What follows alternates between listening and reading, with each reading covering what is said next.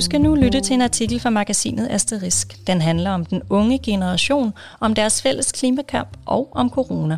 Den er skrevet og læst op af mig, Mathilde Vejersø, og jeg er redaktør for Asterisk. Artiklen hedder De unge har masser af samfundssind. De unge går op med individualismen og søger i stedet fællesskab om noget større end dem selv, nemlig klimaet. Og selvom de er blevet skudt i skoen, at de ikke er solidariske med ældre generationer i coronatiden, så peger forskning på, at hensynet til andre samfundsborgere ligger de unge endda meget på sinde. Her kommer artiklen. Kære voksne, det klinger hult, når I anmoder om solidaritet i krisetider. Det er jer, der har smadret fællesskabet. Sådan indleder Harald Toksvær, der er studerende ved Københavns Universitet og debattør, sit debatindlæg i politikken tilbage i marts måned under coronanedlukningen. Han anklager de ældre generationer for at være hykleriske, når de beder de unge om at være solidariske og udvise samfundssind. Det begrunder han med, at den selv samme boomer-generation ingen solidaritet viser med de yngre generationer, når det kommer til at tage klimaudfordringerne alvorligt. Toksvær varmer med andre ord op til en vaskeægte generationskamp, som der, blev pust, som der blev pustet yderligere til i sommeren 2020 efter en lang sommer uden Roskilde Festival og natklubber. Ved gymnasiets studiestart var det svært for nogle unge at holde igen med piratfesterne i byens parker, og på avissiderne der kunne man læse, festglade unge møder, mødes til piratfester under coronaudbrud. Det stod der blandt andet i Jyllandsposten den 23. august 2020. Sådan blev billedet af en uansvarlig generation tegnet hårdt op i medierne. Men spørger man Jonas Lieberkind, der er ungdomsforsker på DBU Aarhus Universitet, så, holder, så forholder virkelighedens unge sig anderledes ansvarligt til samfundet.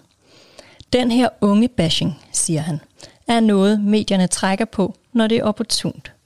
Det er ikke nyt, selvom der i mange medier er blevet tegnet et andet billede, så har coronapandemien demonstreret, at de unge i høj grad føler sig forpligtet over for samfundet, de har masser af samfundssind, og vi kan godt regne med, at coronaen har været med til at skabe endnu mere samfundssind hos dem, siger han.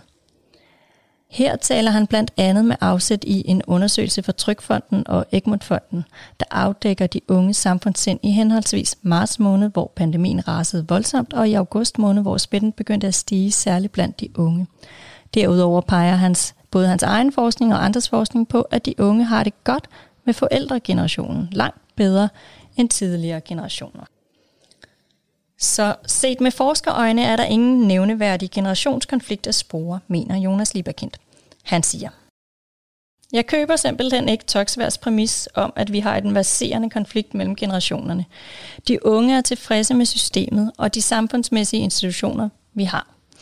Vi har heller ikke et autoritativt system, der skal gøres oprør mod, som vi så det i 1968, siger han.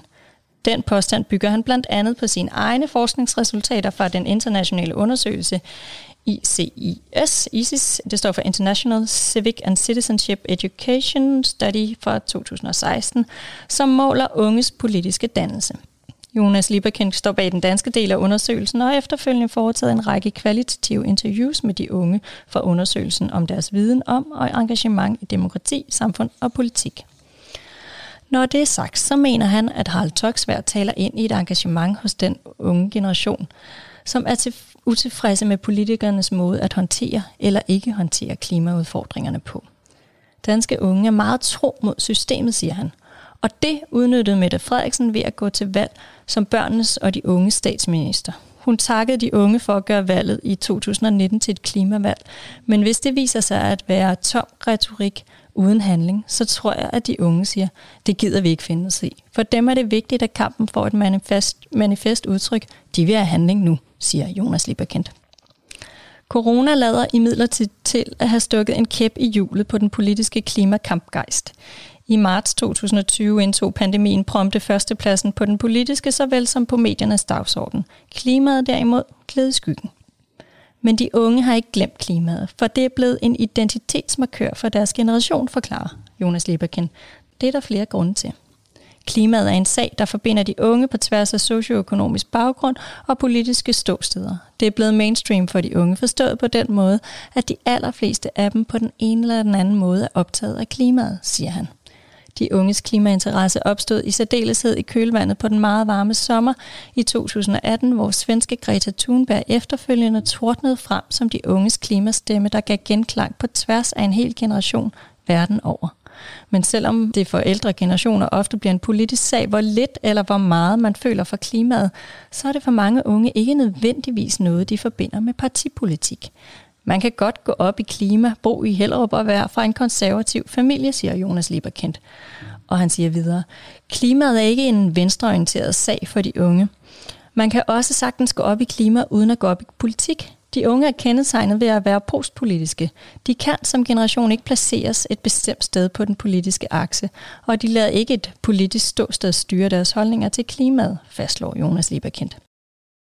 Den analyse henter opbakning hos Jonas Andreasen Lysgaard, der er lektor på DPU i bæredygtighed og pædagogik. I forbindelse med sin forskning taler han med unge mennesker fra den grønne studenterbevægelse og på højskoler, der sætter fokus på klimaet. Han siger, den klassiske opdeling i blå, røde og grønne poler kollapser fuldstændig. De unge kan godt se, at verdens problemer er viklet ind i hinanden, og de opererer ikke med de klassiske linser, som ser problemer som klima, social uretfærdighed, flygtningeproblematik og økonomi løsrevet fra hinanden. De unge øh, de bekymrer sig om, at problemer er komplekse og ikke kan løses med et enkelt værktøj, siger han, og understreger, at når vi taler om klimaudfordringerne, så taler vi ind i et hyperkomplekst system. Der er en uendelig række af problemstillinger, som vi ikke kan løse på vanlig vis. Det har de unge fanget, men i samfundsdebatten kan det være en uheldig fokusering på, hvad man som enkel person kan gøre for klimaet. Men det gennemskuer de unge. Det nytter ikke noget at rydde op i, stille i stillehavet ene mand. De ved, at der skal nogle større strukturelle og politiske handlinger til. Derfor råber de op, lyder det fra Jonas Andreasen Lysgaard, der kalder klimaet for et hyperabstrakt emne for de unge. At klimaet som abstrakt problemstilling optager de unge, flugter med Jonas Lieberkens indsigter fra den internationale undersøgelse om unges demokratiske og politiske dannelse, ICCS, og andre kvalitative studier af unge. Undersøgelserne viser nemlig, at de danske unge især er optaget af abstrakte problemstillinger i verden omkring dem. Og selvom klimakrisens konsekvenser er meget konkrete, tørke, smeltende poler, ekstremt vejr etc., så ser de unge klimaudfordringerne som abstrakte, netop fordi de ved, at både årsagerne til og løsninger på dem er komplekse. Når medierne, og med dem mange andre, udråber de unge til hensynsløse individualister, så har det ifølge Jonas Lieberkind råd to steder. I en række liberale politiske logikker og tiltag, men øh, samtidig også i kritikken af disse logikker og tiltag. Han uddyber. De unge er opvokset i en tid, hvor der i stigende grad fokuseres på individet og den enkeltes individuelle formåen gennem f.eks. test, trivsel, uddannelsesparathed og karaktergennemsnit. Samtidig har kritikerne af dette neoliberale individfokus lige, øh, ligeledes interesseret sig for den enkeltes selvudvikling og frisættelse fra netop de neoliberale logikker. De spørgsmål, de unge bliver mødt med, både fra den ene og den anden side, er ekstremt fokuseret på, det individ, på de individuelle forhold, siger Jonas Liebekendt, og peger på, at de svar, vi så får fra de unge, snarere et udtryk for spørgerens interesse end for de unges. Lige nu har vi en tendens til at gøre de unge til nogen, der er stresset eller presset, eller nogen, der kæmper for klimaet, siger han og fortsætter. Fokuseringen på de unge er ikke ny. Den har altid været der, men identifikationen med de unge herunder vores træng til at forstå dem, har fået en stadig større resonans i samfundet. Selvom, der er, selvom det er sket i den bedste mening og med henblik på at forstå de unge, så har det i midlertid haft kontraproduktive effekter, at der er blevet fokuseret så meget på de unge, ikke mindst forskningsmæssigt, inden for de sidste 10 år. Det har medvirket til et øget fokus på den enkelte og en øget individualisering, som de unge har det anstrengt med, forklarer Jonas Lieberkendt. Både den neoliberale diskurs og kritikken af den har fokus på frisættelse af individet, og det er lige netop det, de unge i dag reagerer på. De vil ikke være en mig-mig-generation, der kun har blikket rettet mod egen navle. De vil også fællesskabet, og de vil samles om noget større end sig selv. Her bliver klimakampen et fælles samlingspunkt. Derfor for lyder Jonas Lieberkens konklusion, at hvis der er tale om konflikt set med de unges øjne, så er det ikke en konflikt, der udspiller sig mellem generationerne, men mellem paradigmer.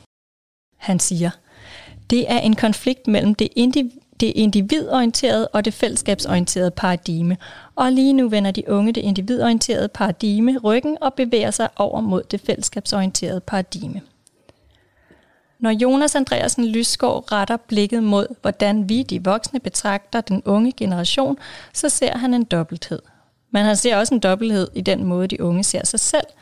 På den ene side står håbet om, at de unge fikser verdens problemer, siger han, og på den anden side anlægger vi et bebrejdende ungdom nu til dags blik på dem. De to diskurser kan flette sig sammen i synet på de unge, men også i det blik, de unge har på sig selv, forklarer han.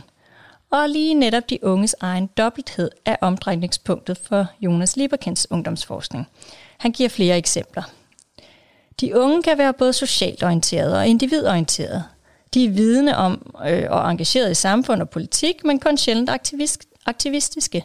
De er optaget af køn og går ind for diversitet, men de allerfleste af dem er meget konventionelle, nærmest stereotype, når det kommer til deres egen kønsorientering. Det er netop dobbeltheden, der er interessant ved de unge i dag. Det er lige til for dem, men svært for os andre at forstå, siger han, og kommer med et konkret eksempel fra et interview, som to af hans speciale studerende har gennemført. De havde et interessant interview med en pige, der var optaget af klima, som netop illustrerer den her dobbelthed hos de unge. Hun fortalte, at når hun kom hjem om aftenen, var hun nødt til at tænde alt lyset for at føle sig tryg. Og det tæller ind i den her selvmodsigelse, at de unge er de mest klimabevidste, men samtidig er de dem, der suverænt forbruger mest. Dobbeltheden rummer både hykleri, selvmodsigelse og en indbygget konflikt, og det lugter af dobbeltmoral. Men sådan ser de unge det ikke. For dem udelukker det ene ikke det andet. Det gælder også for de unge, Jonas Andreasen Lysgaard taler med på højskolerne i forbindelse med sin forskning. De kan godt være endda meget optaget af klimaproblemstillinger og være aktive i klimakampen, og samtidig er de også bare almindelige unge, der gerne vil dyrke parkour og spille basket og feste. I coronatiden fester de måske den ene dag, og dagen efter viser de samfundscenter og yderst ansvarlige samfundsborgere med, med de coronahensyn, man bør tage. For dem er der ingen modsætninger i det, siger han.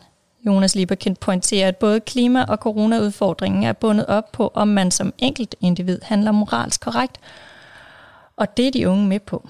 Når det handler om corona, så har konkrete handlinger noget at sige, fordi det er et ekstra lag af drama. Du kan potentielt bære smitten, siger han. Og han siger videre, samfundssind og solidaritet er alene op til den enkelte. Det handler om det helt konkrete hensyn til den anden. Med klimaet hviler det moralske ansvar ikke kun på det enkelte individ. Det skal, der skal større og strukturelle ændringer til for at løse udfordringerne. Derfor er det en oplagt kollektiv sag for de unge, der jo netop søger fællesskab om noget større end sig selv, siger Jonas Lieberkind. Man kunne argumentere for, at det er relativt omkostningsfrit for de unge her og nu at fokusere på klimakampen som den kollektive sag, der binder dem sammen og optager dem, mens coronakampen ikke på samme måde opildner deres kampgejst. Skyldes det simpelthen, at klimakampen ikke indebærer de samme sociale afsavn som coronakampen, der dræber deres sociale liv her og nu, er det for nemt for de unge at tage det standpunkt, at klimaet står over corona. Ifølge Jonas Andreasen Lysgaard er det ikke et spørgsmål om enten klima eller corona for de unge. De bekymrer sig også om corona, understreger han, men pandemien taler ikke ind i deres generations identitetsfortælling, sådan som klimaet gør, og derfor er corona ikke på samme måde de unges sag. Han mener, at vi forventer for meget af de unge, når vi beder dem om at skrue ned for deres ungdom på grund af corona. Alt imens politikerne skyder klimaproblemerne til hjørne og ikke har planer om for alvor at omstille samfundet i en mere klimavenlig retning før 2030. Det er nyt, at de unge er kørt i stilling til at skulle løse alle fremtidens problemer. De skal ikke alene fikse problemerne, de skal også vide, hvordan de skal fikse dem – men hvordan skal de navigere i mulighederne, når de ikke har magt og direkte ansvar til at finde frem til, hvordan de løser problemerne, spørger han retorisk og vender tilbage til Harald Toksværs efterlysning af solidaritet fra de ældre generationer. Jeg mener, siger Jonas Andreasen Lysgaard, at han har fat i noget her. Solidaritet går begge veje, i dette tilfælde mellem generationer. Vi kan ikke kun insistere på solidaritet fra de unge side. De ældre generationer skal også vise solidaritet over for de unge. Ikke kun i klimaspørgsmålet, men også når det kommer til de unges måde at håndtere corona på. Netop fordi de er unge. Han mener, han mener os om, at de unge oplever den sorg, vi alle er ramt af under corona, på en anden måde end de ældre generationer, der allerede er godt etableret i livet. Han siger, 3.G-sommeren kommer kun én gang i livet og det samme gælder studiestarten eller det store flyt hjemmefra. Det er voldsomt at kræve af en ungdom, at den skal gå i dvale og undsige sig det, der præger ungdommen, nemlig en insisteren på, at livet er under udformning, og at ikke alt skal være, som de foregående generationer har besluttet. Det burde vi alle sammen have for øje, inden kritikken af de unge bliver en folkesport.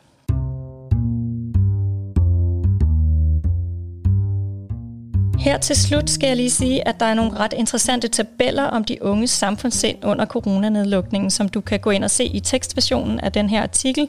Det giver ikke rigtig nogen mening, at jeg læser dem op her. Der er to personbokse på øh, den ene Jonas og den anden Jonas. Den første Jonas er Jonas Andreasen Lysgaard, som er lektor på DPU Aarhus Universitet. Han forsker i uddannelse, pædagogik og bæredygtig udvikling. Han underviser på bachelor- og kandidatuddannelsen i uddannelsesvidenskab. Og så er der Jonas Lieberkendt, som er lektor i pædagogisk sociologi. Han forsker i de unges politiske engagement og politiske dannelse. Han underviser på kandidatuddannelsen i pædagogisk sociologi. Her slutter artiklen. Tak fordi du lyttede med.